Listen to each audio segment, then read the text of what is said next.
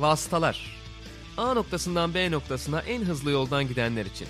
Malisel Işık, Barkın Kızıl ve konukları motor sporları gündemini değerlendiriyor.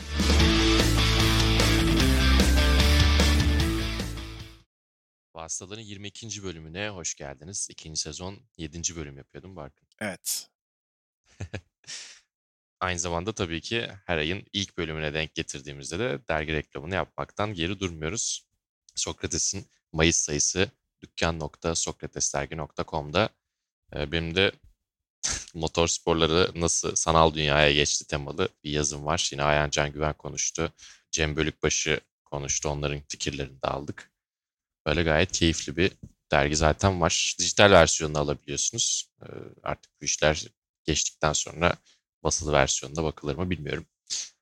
Herhalde Simülasyon dünyası demişken hı, Heh, ben de tam öyle diyecektim. Simülasyon dünyası demişken onunla başlamak lazım diye düşünüyorum. tabii. Ee, Simülasyon dünyasında çok iyi şeyler ve çok kötü şeyler vardı. Bize bir sıralar mısın Barkın?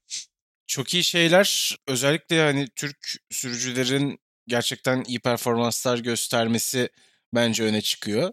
Yani onun dışında tabii pist üstündeki mücadeleler olarak da keyifli yarışlar izliyoruz. Hatta işte kendi aramızda konuşmuşuz ama bir eksiklik var orada Porsche Süper Cup'ı koymamışız. Ben hemen Hmm, evet, unutmadan doğru. onu da söyleyeyim. Ee, Ayhan Can çok iyi gidiyor. Şampiyonada şu anda lider durumda. Onu da hemen ben böyle bir parantez olarak atmak istedim. Ve tabii ki Ama kasap lobiye düştü birazcık. Larry Tanford'a çok üstüne sürüyor çocuk. olsun ne olursa olsun yani istikrarlı sakinliğini koruyor ve centilmenliğini koruyor daha da önemlisi. Tabii tabii evet her şeyden önemlisi. Bu anlamda bence çok güzel çok keyifli işler yapıyor.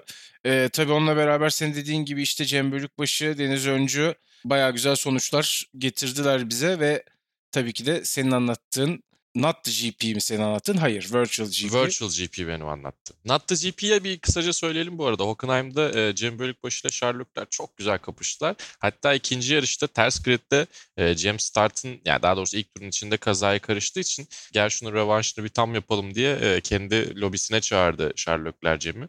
Böyle güzel tatlı arkadaşlıklar da oluyor. Zaten o tayfa e, Sherlockler'in ekibi sürekli geyik yapıyorlar. Böyle çok arkadaş haline geldiler George Russell'la Alex Albon'la.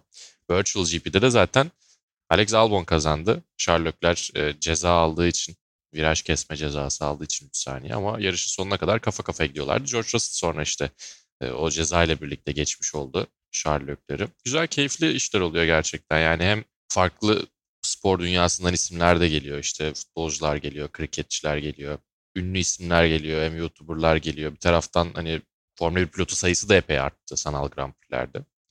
Bence gayet güzel gidiyor. Lökler de bu arada Twitch yayıncısı oldu biliyorsun. Lando Norris'in izinden oldu gitti. oldu. Hep bayağı uğraşıyor. Şey, Yine- intro intro falan yapmıştı ilk hafta kendine. Buna 4 saat uğraştım YouTube'dan izleyerek diye. Evet geçtiğimiz yollardan geçiyor diyebilirim en azından kendi adıma. Ee, tabii tabii. Ee. George Russell'la zaten Euro Truck Simulator'da oynuyorlar. Hani öyle sadece Evet. yarış yapmıyorlar. Assetto Corsa'da çim biçme makinesi yarıştırıyorlar falan böyle. Tamamen eğlence üzerine. Evet çok eğlenceli. Yani vakit nasıl geçecek bir başka türlü.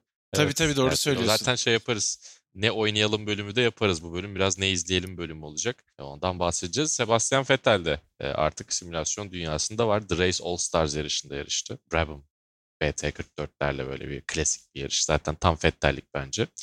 E, Bir de işin güzel tarafını şununla noktalayalım. E, Deniz'de, Deniz Öncü de dördüncü sırayı aldı. E, Stay at Home GP'nin bu sefer MotoGP 20 ile yapılan versiyonunda. E tabii yeni takımlar var, yeni sürücüler var. Bu sefer her şey gayet yolunda oldu. E, yeni oyun olunca. MotoGP, Moto2, Moto3 diye 3 ayrı yarış yaptılar. E, Deniz de orada dördüncü de hatta şey son turda dördüncü giderken benim sana Barkın MotoGP 20 oynarken ki söylediğim şeyler gibi e, biraz bekle de son tur konuşması yapalım dedi. Üçüncü giden Albert Arenas'tı galiba ona. Evet galiba öyle olması lazım. yani yarış pilotu yani yarış sürücüsü beklemez abi sanki değil mi? Ben- öyle bir Evet. hissiyat Yani aldım sen zaten. beklersin de Verilen evet, tepkiden. de yarışı yarışırken yarışırken beklenmez zaten beklemedilerdi. Şimdi gelelim işin biraz daha rezillik kısmına ki başka bir kelime bulamıyorum ben çok fazla. Ee, Simon Pagano'nun Lando Norris'i biçmesi e, IndyCar'da iRacing'de ki bu ya televizyonda yayınlanan bir şey abi bu zaten. Şunu serverda yapsan gerçekten bir daha gelme derler yani. Ya o kadar Ee, garip sen bir olay ki bir de hani Evet. Pajano pitten çıkarken yarış mühendisi hadi Lando'yu yarışın dışında bırakalım şeklinde bir Lando'yu biçelim diyor veriyor. resmen yani evet. İşte Pajano da hadi yapalım gibi bir şey söylüyor buna cevaben hatta. Sonra aa tüh yanlışlıkla oldu falan diye böyle Flash TV oyunculuğu gibi bir oyunculukla. Yani düzlükte direksiyonu sola kırıp öyle bir yanlışlık yapıyorsan zaten IndyCar'da yarışma şansın yok gerçekten. Hayır tekrar pite girecektim. Hayır tekrar pite girecektim. O arada da Lando'yu yavaşlatırım. Diyor ki bu arada yani Simon Pageau'nun pite girmesine sebep olan kazanın Lando Norris'in tarafından çıkarıldığını düşünüyor e, Simon Pageau ama öyle bir şey yok. Üç araç yan yana sıklıkla geliyor aslında Indy'de. Ben ona da ona da baktım. Çok bir şey yok aslında bence. Ya bir de her şeyden önce hadi e, finish'e geleceğiz birazdan. Finish'te de Santino Ferrucci'nin yaptığı salaklık var ama Santino Ferrucci zaten pilot değil bence benim gözümde. O başka. Simon Pageau IndyCar şampiyonu. Indy 500 kazanmış bir adam. ya deli misin sen? Niye, niye Lando Norris'i çekemiyorsun? O çok garip geldi bana açıkçası. E, ama şeyi var Yani IndyCar, IndyCar- pilotlarının böyle bir Formula Ee, 1 aşağılık çekişmesiyle alakalı var. muhtemelen bu. Ama bu bir çekişme değil işte. Dünyanın en iyi pilotları Formula 1'de yapacak. E, şey aynen Formula öyle 1'e aslında öyle ama. IndyCar Yani- cephesinden bakıldığı zaman demek ki onlar öyle görmüyor bazı şeyleri. Yani çok iyi oldu. Aşağılık kompleksini e, şey yapmış oldular. Hani kanıtlamış oldular bir kez daha. Ben yakıştıramadım açıkçası. Ben de işte bu sebepten IndyCar'ı izlemiyorum bu arada onu da Ya yok ben yine seviyorum. Ben belirteyim. yine seviyorum yani araçları seriyi falan seviyorum da pilotlarda böyle bir durum var gerçekten. Sonra da yarışın son turunda son düzlükte artık son metrelerde Oliver Askew'un üzerine kırdı Santino Ferrucci. Baktı geçemeyecek. Ondan sonra herkes abi ne yaptın falan derken ya oyun işte gülüyoruz gülüyoruz falan diyordu ama e, çok gülecek diye tahmin ediyorum önümüzdeki haftalarda. Evet öyle de bir Şu haber geldi yani. bu arada. Yani yoldaki yarışa yansıyabilecek bir ceza konuşuluyordu. Bilmiyorum takip Tabii, ettin mi tabii ama. ki olabilir. Kyle Larson şeyde Monza Madness diye bir şey yapıyorlar. Monza Ovali NASCAR yarışı yapıyorlar. Orada e, herkesin duyabileceği şekilde ırkçı bir söylem kullandığı için takımdan da iRacing'den de atıldı abi. Yani sonuçta televizyonda yayınlanan bir şeyde yaptığın hıyarlık gerçeğe yansımıyor diye bir şey yok. Yani oyun gerçek olmayabilir ama söylediği şey yaptığın hareket gerçek. O yüzden Ferrucci zaten bu arada Formula 2'den de kovulmuş bir adamdı Santino Ferrucci. Onu da söyleyelim. Telefonla e, formasyon turuna çıktığı için elinde telefonla ve sonrasında takım arkadaşına Arjun Maini'ydi galiba Maini kardeşlerden. Takım arkadaşına ırkçı söylemlerde bulunduğu için. Yani böyle bir adamın zaten çok işi var mı bilmiyorum e, motorsporları padonda. Amerika'da biraz daha yer bulabiliyorlar ama.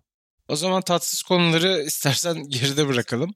Ve Film gibi şeyler yapıyorlardı deyip aynen bölümümüzün teması olan motorsporu yapımlarına diyelim, geçelim. Evet. Tabii- Karantinada ne izlenir? Karantinada ne izlenir? Hem filmlerden hem belgesellerden bahsedeceğiz.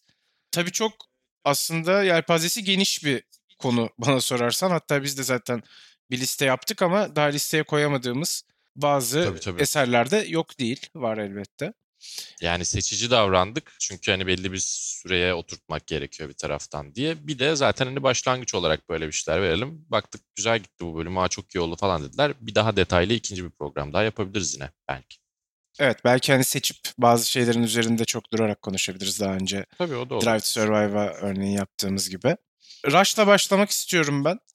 Çok iyi bir başlangıç. Hem listemizin zirvesindeki film olarak sıralama anlamında hem de benim gönlümdeki zirvedeki film olarak aynı zamanda.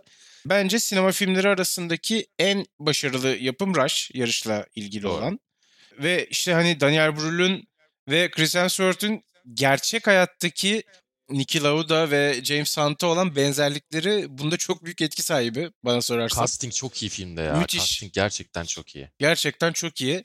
Ee, ama sadece bu kadarla kalmıyor. Bence hikaye anlatımı olarak da çok iyi. Özellikle Niki Lauda'nın gözünden izlediğimiz bölümler e, benim çok hoşuma gidiyor filmde ve yarış sahneleri de yine hiç fena değil. Ron Howard'ın yönettiği bir film. Eklemek istediğim bir Zaten şeyler de vardır şeyi muhtemelen. çok güzel yapıyor.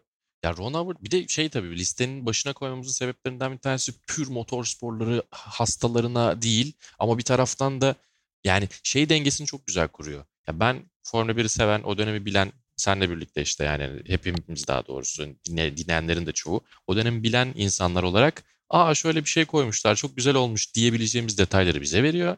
Bir taraftan bu işle hiç alakası olmayan insanları da sen bunu bilmen gerekiyor. Buna tamamen hakim olman gerekiyor filmden keyif alman için kısmından uzaklaştırıyor. Ama bizim için filmi basitleştirmeden onlara da anlatabiliyor. Ve bunu yapmak, bunu basit gösterebilmek çok zor bir şey aslında ki düşün zaten ne kadar karmaşık bir cümleyle anlattım. Ron Howard bu tarz şeyleri çok güzel yapıyor.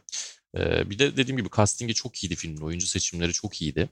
Çok düşük bir bütçe aslında ki zaten yazılırken yarış sahneleri çok az yazılmış. Ee, hani buna bütçe çıkmaz büyük ihtimalle diye yazıldığı dönemde. Yine eldeki CGI çok az yerde var. sırıtmayacak yerlerde ya da çok az sırıtacak yerlerde kullanılmış. Yine eleştirebileceğimiz çok minik şeylerden. Bence bu da başarılı kılıyor bu arada filmi. Tabii ki işte evet yani çok iyi bir bütçe yönetimi var onu söylemeye çalışıyorum. Hans Zimmer müziklerini yapıyor falan derken gerçekten ara ara açıp böyle şu sahnesini izlesem mi diye başlayıp sonra baştan sona izlediğim filmlerden bir tanesi. Çok seviyorum Rush'ı. Ee, şöyle de aslında bir son ekleme yapmak istiyorum. Hani gerçekte olmayan kurgu olayları filmin içine çok güzel katmışlar. Hmm, evet. O anlamda hani çok fazla sırıtmıyor gerçekten filmin hiçbir bölümü. O yüzden Rush'ı izleyiniz bana sorarsanız. Evet. Kurmaca kısımları da abartı değil sadece e, anlatı olan kısımları böyle şey yapıyor. Biraz pekiştiriyor. Yardımcı olarak kullanıyor, pekiştiriyor aynen öyle. Bir de biraz daha az önce hani pür motorsporları filmi dediğimiz kategoriye giren bir başka benim favorim. E, biraz Le Mans'dan bahsedelim. E, 1971 yapımı Steve McQueen'in başrolünde olduğu hakikaten çok özel bir eser. Yani Le Mans 24 saati daha iyi anlatabileceğini düşünmüyorum herhangi bir yapımın. Herhangi bir belgeselin veya görselin. Çünkü çok az diyalog var filmde. Sürekli bir gidiliyor. Yani hakikaten uzun, uzun ince bir yoldayım modundalar. Görüntüleri çeken araç Le Mans'da yarışıyor bir sene öncesinde. Yani yani gerçekten yarışa katılarak çekiyorlar ki bir noktada şey kararını vermek zorunda kalıyorlar. Ya bu araç fena gitmiyor. Ama makaraları değiştirmek için çok sık pite gelmemiz gerekiyor. Filmi sallayıp iyi bir sonuç mu elde etsek sonra yoksa filmi mi e, çekmeye devam etsek tabii ki e, filmden yana karar kılıyorlar ama böyle bir noktaya gelebilecek kadar bir e, şey var. Hani Porsche 917 ile öyle bir noktaya geliyorlar ve sonrasında bu eser ortaya çıkıyor. Çok kolay değil izlemesi. Yani hani tahmin edebileceğiniz üzere çok diyalog yok. Sadece araç görüntüleri ve yarış görüntüleri var neredeyse. Çok böyle saf bir film.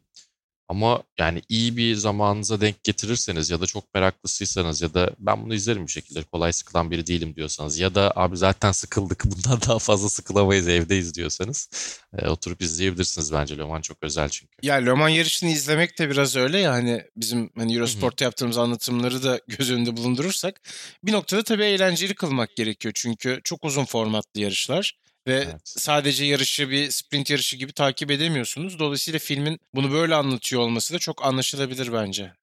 Evet. O hani Le Mans'daki uzun yarış ve yalnızlık duygusunu da o şekilde geçirmeleri bence gayet mantıklı bir evet, tercih evet. olmuş. Çok iyi. Yine eski dönemlerden bir örnekle daha devam edeceğim. 1966 yapımı Grand Prix ki çok uzun zaman motorspor ile ilgili yapılmış en iyi filmlerden bir tanesiydi. Hala da öyle bence. Çünkü dönemin en iyi teknik imkanlarını kullanarak bir Formula 1 filmi, bir Grand Prix filmi çekiyor olmaları bence çok güzel bir şey. Yani çünkü genellikle motor sporları ilk tercih edilen spor dalı olmuyor ya böyle şeylerde. E, o yüzden biraz teknik şov yapılmış olması çok hoşuma gidiyor. John Frankenheimer'ın filmi. 70 mm Super Panavision formatında çekiyorlar ki o dönem ellerindeki yani piyasadaki bütün top seviye kameraları kullanıyorlar neredeyse öyle söyleyeyim. Hatta hangisi olduğunu hatırlamıyorum. Panavision 65 olabilir. 70 dolar emin değilim. E, piyasadaki bütün kameraları alıp film çekiminde kullanıyor. Çünkü araçlara sabitliyorlar falan böyle geniş açıyla şunda bunda. inanılmaz görüntüler var ve çok kaliteli. Hala 1080p kalitesinde oturup bulabiliyorsunuz, izleyebiliyorsunuz yani. Kadrosu çok iyi. Yine o dönemin en iyi sinema dünyasında oyuncuları var. Yani işte Yves Montand, James Garner, Brian Bedford, François Hardy var işte o dönemin en iyi kadın oyuncularından bir tanesi, en sükse yapan isimlerinden bir tanesi. Yani çok çok özel bir film o da. Hikayesi müthiş mi? Onu tartışabiliriz. Biraz puan oradan kırılıyor. Hafif klişesi var ama 1966'da da o klişeyi oluşturan filmlerden bir tanesi mi? Yoksa hani şimdi dönüp baktığımızda mı klişe? Onu da oturup konuşmak lazım. Üç tane de e, akademi ödülü var bu arada. En iyi ses, en iyi ses efektleri ve en iyi kurgu. Benzer akademi ödülleri almış bir başka filme pası atıyorum o zaman. Ford vs. Ferrari. Evet, Asfaltın Kralları ismiyle vizyona girmişti bu film. ee, Sanki yük çekiyorlardı ya da işte yola asfalt yapıyorlar gibi. O da olabilir. O da olabilir. ee, tabii Matt Damon, Christian Bale isimleri zaten filmi direkt merak edilir kılıyor. Ve onun yanında Ford ve Ferrari isimleri de aynı şekilde. Bu bence çok güzel bir öğretici film bir anlamda. Çünkü hani Henry Ford'un, Henry Ford 2'nin öyle diyeyim, bu işlere nasıl bu kadar hırsla yatırım yapmaya başladığını anlatıyor bir noktada. Ve tabii ki de zaten en iyi kurgu ve en iyi ses miksajı ödüllerini almasından da anlayabileceğimiz üzere efekt anlamında çok güzel. Ee, ama filmi hani ne kadar beğendiğimi soruyorsan ben senle de zaten konuşurken hep söylüyordum. Yarış sahneleri olmasa çok iyi film diye konuşmuştuk ya. Evet yarış sahneleri dışında gayet güzel. Ya, otomobil sürme sahneleri değil. Sadece yarış sahneleri. Çünkü hani test sürüşü yapılan bölümleri de var. Oralar falan gayet bence güzel. Ama işte yarış sahnelerinde o ekstra bulunan bir vites hani klasik Hollywood klişesidir zaten. Evet evet. Ekstra Sürekli bulunan vites. devam eden araçlar. Durduk yere hani gaza nedense düzlükte basmayıp yan yana gelince bakıştıktan sonra gaza yüklenen sürücü gibi böyle detaylar var. Bunlar olmasa gerçekten çok çok daha iyi bir film olabilirmiş ama gayet güzel bir film. Bence sıkılmadan izleyebileceğiniz bir film. Ki zaten hani e, son dönemde motor sporları filmlerinin de gişede iyi işler yapabileceğini gösteren birkaç işten bir tanesi olduğu için aslında çok olumlu da bir etkisi oldu. Oscar hem Oscar adaylığı daha doğrusu hem işte ödül adaylığı alıp hem de e, gişede sükse yapabilmek demek ilerleyen zamanlarda daha fazla motor sporları filmi yapılacak anlamına geliyor yapımcılar için. E, daha güvenli liman olmaya başlıyor belki de. Tabii sadece dramatik e, sinema filmleri değil biraz da geyik de yapacağız. Talladega Nights The Ballad of Ricky Bobby 2006 yapımı Will Ferrell'la John C. Reilly'nin NASCAR komedisi. Hakikaten çok keyifli filmlerden bir tanesi yine o da. Ee, yani geçtiğimiz haftaki Simon Pagino rolünde e, Sacha Baron Cohen de var bu arada. Fransız uyuz Jean Girard rolüyle.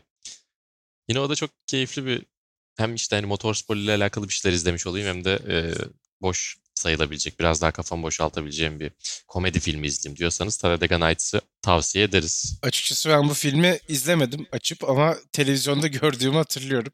Sağ Dolayısıyla altta televizyonda ilk kez diye. evet hani o tarz televizyonda ilk kez tarzı bir şekilde görmüştüm. Çok fazla bir yorum katamayacağım. İzlersin paşam ne olacak. Ee, Days of Thunder bir de e, ciddi NASCAR filmi verelim. Tom Cruise'la Nicole Kidman'ın e, çıkmaya başladığı film. Öyle de bir magazinsel giriş yapayım. E, müzikleri Hans Zimmer'ın ki zaten onlar Rain Man'den beri birlikte çalışıyorlardı galiba. Tom Cruise'la ilk olarak orada bir araya gelmişlerdi. E, o da hakikaten çok güzel bir film. Eğer NASCAR'a özel bir e, antipati duymuyorsanız izleyince kesinlikle seversiniz diye tahmin ediyorum. E, animasyon seviyorsanız Cars var. Disney Pixar. Güzel cameolar var, güzel ziyaretler var motorsporların ünlü isimlerinden. E, o açıdan da güzel, keyifli bence. Mia Schumacher'i bir araba olarak İtalyanca konuşurken başka bir yerde göremezsiniz yani. Hani Cars o yüzden bence güzel. Ama Asterix filminde görebilirsiniz. At arabasıyla yarışırken ve pit stop yaparken. Aynen Hatta öyle. Evet. Jean Todt da var Jean orada. Todt'la birlikte. o da çok güzel bir şey. O da çok aslında. güzel bir kamera gerçekten. Ya da derseniz ki motor sporlarında abi biz kötü film izlemek istiyoruz. Yani ben Survivor izlemek istemiyorum ama en az Survivor kadar kötü bir şey izlemek istiyorum derseniz de e, iki, 2001 yapımı Driven diye bir film var. E, Sylvester Stallone'ın başrolünde oynadığı.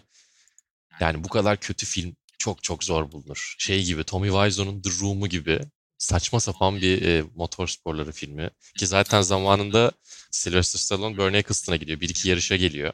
Diyor ki işte hani ben bir Formula 1 filmi çekmek istiyorum. Bir şekilde bir konuda anlaşamıyorlar ki büyük ihtimalle parada anlaşamıyorlar Bernie Eccleston olduğuna göre konu. Tamam diyor ben bunu o zaman kart o dönemki IndyCar yani kart filmi olarak çekeceğim diyor. Ama sesler Formula 1'den arak. Pistler zaten karma karışık. Kaza bir yerde başlıyor, bir başka pistte bitiyor. CGI 2001'de bile baktığında çok kötü. Şimdi baktığında bu ne abi diyorsun. Senaryo çok kötü. Zaten saçma sapan hani hiçbir yere bağlanmıyor. Karakterler çalıntı. Takım patronu Burt Reynolds e, büyük ihtimalle Frank Williams yapmaya çalışmıştır onu. Çünkü tekerlekli sandalyede ve Formula 1'den zaten konuyu ilk başta oraya getiriyorlar. Hani ana şey Formula 1 adını ödevi değiştirmişler biraz yani neredeyse. Burt Reynolds'ın yani Frank Williams'ın genç pilotu Jimmy Bly, o dönem Jenson Button e, Williams'ta yarışıyordu. Her şeyi e, bu taraflardan çarpmışlar ve üstüne güzel de yapamamışlar yani. yani her şeyle çok çok çok çok çok kötü bir film. Ama izlerken keyif alabileceğiniz bir kötülük. Yani o kadar kötü ki ya bu iyi diyebiliyorsunuz. O açıdan da Driven'ı tavsiye ediyoruz. Bu arada bu filmin de PlayStation 2 ve Game Boy Advance'te oyunu var. enteresan bir şekilde. Allah kahretsin. Sanki ekstra merchandise yapılması yani enteresan bir şekilde bu filme böyle bir oyun da çıkartmışlar. Merak edenler Ya varsa büyük bakabilir. film, filmdeki CGI o dönem çıkmış oyunlardan daha kötüdür. Keşke oyundan sahne kesip koysalarmış. Yani acaba Formula 1'de Bernie Eccleston'la anlaşıp yapsaydı bu filmi nasıl olurdu Sylvester Stallone? Bence iyi olurdu. Bundan iyi olacak Yani- kesin diyorsun anladığım kadarıyla. Ya bir şekil bir şekil ya, heh, aynen öyle. Bundan daha kötü olamayacağı için mutlaka daha iyi olur. Bu olabilecek en dip nokta çünkü. O zaman Mali başka ekleyeceğim bir şey yoksa filmleri kapatalım. Biraz da belgesel Belgesellere geçelim. en son izlediğimiz belgesel ya da en son çıkan belgeselde diyebiliriz. Tabii ki Porsche'nin Endurance belgeseli YouTube'da. Yanlış hatırlamıyorsam 1 saat 25 dakika gibi bir süresi olması lazım. Bir, bir buçuk saat. Evet, Evet, bir buçuk saat civarında bir süresi var. Bu benim izlediğim en iyi motorsporları işi diyebilirim galiba. Şimdi şöyle bir hafızamı da yokluyorum. Gerçekten çok çok beğendim. Porsche'nin geçtiğimiz yılki Nürburgring ve Le Mans 24 saat yarışlarını anlatıyor. Porsche sürücüleriyle beraber işte biraz zaman geçiriyoruz. Onların hem yarış sırasında, yarış öncesinde hazırlanırken ve işte günlük hayatlarındaki düşüncelerini alıyoruz. Nasıl hazırlandıklarını görüyoruz. Ama bundan da bence önemlisi pist üzerindeki aksiyonu, işte pit alanlarındaki yaşananları çok çok güzel anlatmış bence. Çok sade bir şekilde anlatmış. Ve çok da iyi bir müzik bulmuşlar. Hatta YouTube'da öyle bir yorum şelalesi de var. İşte bu müziği nereden bulabiliriz diye. Sonrasında bir kişi de almış o müziği mixlemiş. Endurance Porsche Music diye aratarak bulabiliyorsunuz. Eğer Öyle mi? Evet, çok evet. iyiymiş. Ben bakarım ona. izleyip Çok merak edenler olursa çünkü e, o şekilde bulabiliyorlar. Başka türlü herhangi bir uygulamayla ya da işte telifli aramalarla çıkmıyor müzik. Belgesel özel yaptırmışlardır büyük ihtimalle. Evet, yüzden muhtemelen. Belki bir yerlerde yoktur. Ya Endurance'ı ben senin tavsiyenle izledim. Daha doğrusu biraz da erteleyerek geçtiğimiz günlerde izledim. Çok beğendim çünkü bu işi saf bir şekilde gerçekten dediğim gibi sade bir şekilde anlatıp bir taraftan ne kadar önemli ve ne kadar kritik olduğunun ağırlığını da verebilmek çok zor bir şey. Endurance onu yapmış. Ee, Bir de şey açısından hoşuma gitti. Eğer bunu bir seri haline çevirirlerse e, bir iki seneye Ayancan'ı da görebiliriz orada. O da bizi keyiflendirir açıkçası. Ben Ayancan'la konuşurken de bu arada bunu söyledim. İnşallah diyerek cevap verdi. yani tabii Ayancan, hedef oralar e, yani onda şüphe yok ama Evet, evet tabii ki. Gidişat o yönde tabii ki. Yine dayanıklılık belgeselleri demişken Audi'nin Le Mans zaferlerini anlatan iki tane Truth in 24 e, belgeselini de tavsiye edelim. 2008 ve 2012. Bayağı güzel belgeseller onlardı. Bir de şey belgesellerde tabii eğer bir dış ses varsa onu güzel seçmek de önemli olabiliyor. Özellikle hani çok yüksek ilginin olmadığı alanlarda. Truth in 24 serisinde Jason Statham seslendiriyor. Bir ara Audi ile içli dışlıydı o da Transporter'ın ilk tabii aracı. vasıtalarla çok içi dışlı bir isim kendisi. Pardon ilk ilk aracı BMW'ydi galiba. Evet, BMW ilk Sonrasında aracı Audi'ye sanırım. BMW Sonrasında sanırım. anlaşmalı bir şekilde Audi'ye çevirdiler. O arada Jason Statham'a demek ki bir, bir madde daha imzalatmışlar. Belgesel belgesel yaparsak seslendireceksin diye. Bu arada Fast and Furious'ta da araçlarla vasıtalarla olan ilişkisini devam ettirdi sonra Jason Statham. Doğru, doğru. O da doğru. Yani Jason Statham'ın getirdiği dramatik anlatım da bence biraz tat katıyor. Zaten ama çok iyi belgeseller ikisi de. Yine aynı şekilde seslendirme demişken Mark Neal'ın motosiklet antolojisi çok iyi. Ee, 2003 Faster, 2006 The Doctor, The Tornado and the Kentucky Kid. O da işte Nicky Hayden, Colin Edwards ve Valentino Rossi'yi anlatıyor ama tabii ki yine o dönemki bütün motosiklet dünyasını anlatıyor. MotoGP dünyasını anlatıyor. Fastest 2011, ardından Hitting the Apex 2015 hepsi inanılmaz. Hepsi gerçekten oturup bakıyorsunuz. Ya bir kere görüntüler zaten çok güzel. Hani şimdiki bu Last Dance'ın var ya hani perde arkasındaki görüntüler çok iyi dedikleri. Tam olarak onlar var her belgeselde. Ee, üstüne yine anlatıcı rolünde ilk üç filmde Ewan McGregor var. O da büyük motosikletçidir. Ee, sever bu tarz şeyleri. Kendisi de zaten sürekli motosiklet üstünde. Hitting the Apex'te de e, Brad Pitt var. E, seslendirici olarak, seslendiren, anlatıcı olarak. Yine o da çok güzel bir dönemini anlatıyor. Ama tabii şey e, yakınlarda bir tane daha gelmesi gerekiyor aşağı yukarı. Yani 4-5 senede bir gibi düşünürsek bakalım ne olacak bekliyoruz. Çok da uzun dönem önce duyurulmuyor genelde Mark Neal'ın belgeselleri ama sürekli padokta bir şeyler çekiyor genelde onun ekibi. O yüzden mutlaka birikiyordur. Yine motosikletten devam edersek Isle of Man TT'nin e, TT Closer to the Edge diye bir e, 2011 belgeseli var. Hani o deli yarışı her yönüyle güzel bir şekilde anlatıyor. Yine şey gibi aslında Barkın, Endurance gibi biraz e, sürücülerin aileleriyle de içli dışlı oluyorsun. Onların hayatına da giriyorsun. Bir taraftan Isle of Man yarışının ne kadar trajik, bir taraftan ne kadar görkemli olduğunu görüyorsun falan. Bayağı güzel. Herhalde dünyanın en çılgın yarışı da diyebiliriz zaten Isle of Man yarışı için. Evet, kesinlikle. Limitlerin diyebiliriz. Yani olmadığı bir yarış. Yani şöyle e, güvenlik önlemlerini arttırabilecek bir nokta yok. Mesela Dakar'da çok çılgın bir yarış ama başka bir noktada. Yani hani dünyanın en tehlikeli yarışı diyebiliriz herhalde ya. Bu kalbur üstü yarışlar içerisinde. Isle of Man'i o noktaya koyabiliriz bence. Gerçekten e, aklı başında olanın asla yapmayacağı bir iş. Araya bir seninle atalım mı o zaman? Atalım. Senna 2010 yapımı bir belgesel. Tabii Senna zaten Formula 1 dünyasının en çok ilgi çeken isimlerinden bir tanesi herhalde. İlk üç isme girer Mali. Öyle düşünüyorum. Ne diyorsun?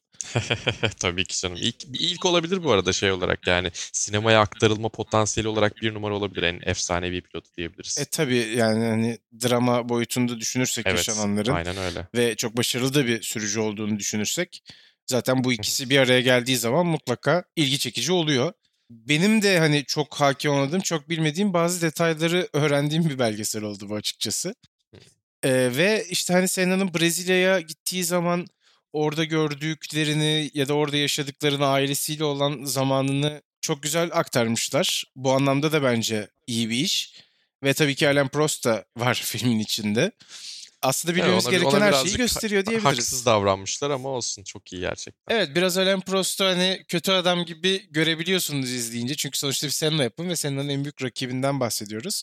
Ama tabii bu ikilinin arasında da bir dostluk olduğunu bir kez daha hatırlatalım bir yandan da. Tabii. Ya bir de şöyle bir durum var. Benim senin adına en çok sevdiğim şeylerden biriydi. E, ellerinde o kadar fazla arşiv görüntüsü var ki konuşan kafalar koymamışlar hiç mesela. Sadece ses var üzerine ve hep hep o görüntüler akıyor. Daha önce görmediğin görüntüler Ya neredeyse akıyor. sinema filmi gibi zaten. Evet evet. Hatta Yani yanlışlıkla zaten ben film oradan- diyordum ilk cümleye girerken. Öyle bir yapım olmuş. Çok iyi bir iş bence o Neredeyse yüzden.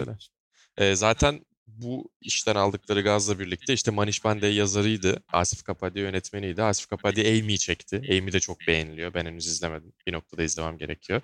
Geçtiğimiz yıl Maradona'nın belgeselini, Diego Maradona'yı çıkardılar. Manish Bandey de yine güzel motorsporları işleri yaptı işte ufak ufak motorsporları belgesellerinde yer alıyor, şey yapıyor, işlerini veriyor. Yine güzel eski bir motorsporları belgeseli olarak verebileceğimiz e, Şampiyon'un hafta sonu Weekend of a Champion 1972 yapımı. Arkasında da büyük bir yönetmen adı var Roman Polanski. Ya çok fazla övmeyeceğim Roman Polanski ama e, filmi gerçekten övebilirim. 1972 Monaco Grand Prix'sinde Sir Jackie Stewart ve eşi Helen Stewart'ın e, yaşadıklarını anlatıyor. Ve sürekli onları takip ediyorsun. Sanki sen de onlarla gibisin yani bir hafta sonu boyunca. 2013'te uzatılmış HD bir versiyonu çıktı. Hatta bittikten sonra Roman Polanski ile Sir Jackie Stewart şöyle bir 5-6 dakika filmi değerlendiriyorlar. Oturmuşlar dedeler. Çok keyifli. Onu da tavsiye ederim gerçekten. Yine o dönemin 70'lerin motorsporlarına güzel bir ışık tutan saf bir belgesel. Irishman tarzı bir değerlendirme var diyorsun yani. o kadar uzun değil ya. Keşke o kadar uzun olsaydı. Ee, Williams'la devam edelim. 2017 yapımı bir iş Williams. Niye Netflix'te bulabilirsiniz. Ee, özellikle tabii Frank Williams ve Claire Williams'ın etrafında geçiyor biraz. Hatta bazı eleştiriler vardı işte çok fazla Claire Williams görüyoruz diye. O eleştirilerin kaynağı Kimi biraz göreceksin bu abi? belgeselden aslında çıkıyor bence ama Hı. ya tabii ki de Claire Williams'ın konuşması gerekiyordu yani. Çünkü hem işte takımın aslında aktif olarak başındaki isim olarak hem zaten Frank Williams'ın kızı olarak büyümüş bir insan olarak da sürekli olarak motorsporların içinde, takımın içinde ne olursa olsun. Ve hani Williams belki şu anda çok en parlak günlerini geçirmeyen bir takım olarak öne çıksa da sonuç olarak En kötü günlerini geçiriyor diyebiliriz e, aynen ya. öyle ama Formula 1 tarihinde en başarılı takımlarından bir tanesi, en köklü takımlarından da bir tanesi. Ve hani Frank Williams'ın asla ne olursa olsun hiçbir şartta bu işten çıkmak istemediğini de çok net bir şekilde biliyoruz. İşte neden çıkmak istemediğini bize bu belgesel çok net bir şekilde anlatıyor bence. Ya bir de şöyle bir güzelliği var. Frank Williams'ın eşi Gene Williams'ın hatıratından yola çıkarak yaptıkları için çok dürüst bir belgesel olmuş. Yani kariyerinin başındaki o hallederiz Frank e, dalavereleri Frank Williams'ın. işte ailesini ikinci plana atması. Sonrasında hatta Claire Williams'ın kardeşi Jonathan'la birlikte yaşadığı fikir ayrılığı işte Heritage Klasik departmanına Jonathan'ın verilmesi ama onun takımın başına ben geçmeliydim demesi. Ya ben biraz aslında PR belgeseli olur diye açtım ve bu kadar dürüst ve şeffaf bir belgesel olmasına çok şaşırmıştım. Aile içi krizlerini çok hani şeffaf bir şekilde yansıtmışlar. Hiçbir şeyden Evet, her, kaçınmadan her şeyi yansıtmışlar. ortaya koymuşlar. Çok hoşuma gitti o yüzden. Ki o- olsaydı belki şu anda burada tavsiye ediyoruz. Hatta Frank Williams'ın gençliğindeki işte o aksiliğini hani tuhaf huylarını onları da hiç atmamışlar belgeselden. Tabii ki canım yani neredeyse şey dolandırıcılığın sınırlarında gezdiği şeyler var. Eski aracı boyayıp yeri diye satması falan. Yani o dönem çok var belki motorsporlarında ama ne olursa olsun yani hani e, o dönemde yanlıştı. Şimdi de yanlış olan şeyler. Oraya gelmek için ne- neleri feda etmeniz gerektiğini de gösteriyor. E, o yüzden de belki işte hani spor dünyasının çok üst seviyelerinde çok fazla iyi insan kalmayabiliyor. Ama bir taraftan da e, çok tatlı bir aile takımı olarak devam ediyorlar bunun tam tersi olarak. Bir de belgeselin son bölümü, son sahnesi özellikle çok iyiydi. Aklımda kalan böyle güzel detaylardan bir tanesi. İzlerseniz hak vereceğinizi düşünüyorum. O sene aslında güzel belgeseller çıktı. E, McLaren yine 2017 belgeseliydi. Bir ara Netflix'te vardı kaldırmışlar ama e, Barkın hatta sen o yüzden izleyemedin değil mi? Ya ben bunu izlemeye niyetlendim. Netflix'e girdim ve kaldırdıklarını gördüm. Daha doğrusu olmadığını gördüm. O yüzden Yapacak bir şey yok. kaldı. Sonra da unutmuşum. Evet, Korsan'a ama, da e, karşı bir izlemek insan olduğum için. izlemek isteyenler bence izleyebilirler çeşitli çözümler bularak. O da güzel bir belgeseldi. Ara ara e, orada oyunculuklar yani kurmaca aktörlerle yaptıkları küçük kesitler de var. E, Bruce McLaren'ın hikayesini ve McLaren markasının oluşumunu, McLaren Formula 1 takımının oluşumunu güzel bir şekilde aktarıyor ki zaten hani çok farklı bir noktada McLaren'da ama bir taraftan Williams'a da bazı yerlerde benziyor. Hani bir isim takımı olarak çok uzun süre dayanıp sonrasında başka bir seviyeye gelmesi hatta belki daha büyük bir başarı hikayesi. Yeni Zelanda'dan İngiltere'ye geliyor. Oradan sonra başarı elde ettikten sonra Amerika'da da çok farklı başarılar elde ediyor McLaren bir dönem. Şimdi tekrar döndüler. Gerçekten büyük bir başarı hikayesi ve onu da olması gerektiği gibi anlatmışlar. Ben o yüzden beğenmiştim. Hazır Formula 1 işlerini arka arkaya koymuşken Fangio ile herhalde devam etmek gerekiyor. O da Edelim. bu sene çıkan bir belgesel.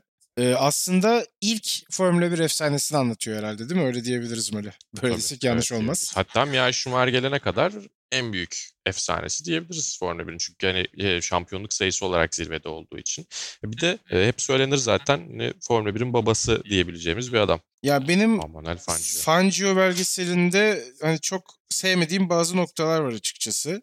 O akademisyen abiler olmasa çok Evet, iyiydi. bu Öyle şey akademik kanıt- araştırma- Matematiksel olarak kanıtlamaya gerek var mıydı ben de bilmiyorum. Yani. böyle bir şeyin hani ne kadar gerçekten akla yatkın olduğunu çok ne kadar matematik üzerine temellendirseler de bilmiyorum benim kafama yatmıyor öyle söyleyebilirim. Ya böyle bir ihtiyaç saçma geldi bana açıkçası. Ya Juan Manuel Fangio'nun büyüklüğünü anlatmak için illa matematiksel olarak günümüzün iyi pilotlarıyla ya da modern dönemin iyi pilotlarıyla karşılaştırmak zorunda mısın? Bence değilsin. O yüzden de şey yapman gerekiyor. Yani aradan dereden böyle seçmen gerekiyor bazı istatistikleri. O zaman da zorlama yapmış oluyorsun. Ee, o belki biraz kötüydü ama e, onun dışındaki görüntüler, arşiv görüntüleri ve hikayeleri çok beğendim ben. Bir de Fangio hani biraz daha zamanımıza uzak sonuçta 50'li yıllarda Tabii aktif ki. olmuş bir isim. Çok fazla bilmediğiniz, kaçırdığınız ya da görmediğiniz, görüntü anlamında görmediğiniz e, yaşadığı şeyler var, olaylar var, yarışlar var. Onları bence gayet iyi yansıtmış. Özellikle belgeselin ilk 15-20 dakikası hiç fena değil. Çünkü Fangio'nun hikayesine biraz daha böyle akıcı bir hikaye anlatımıyla odaklanıyor.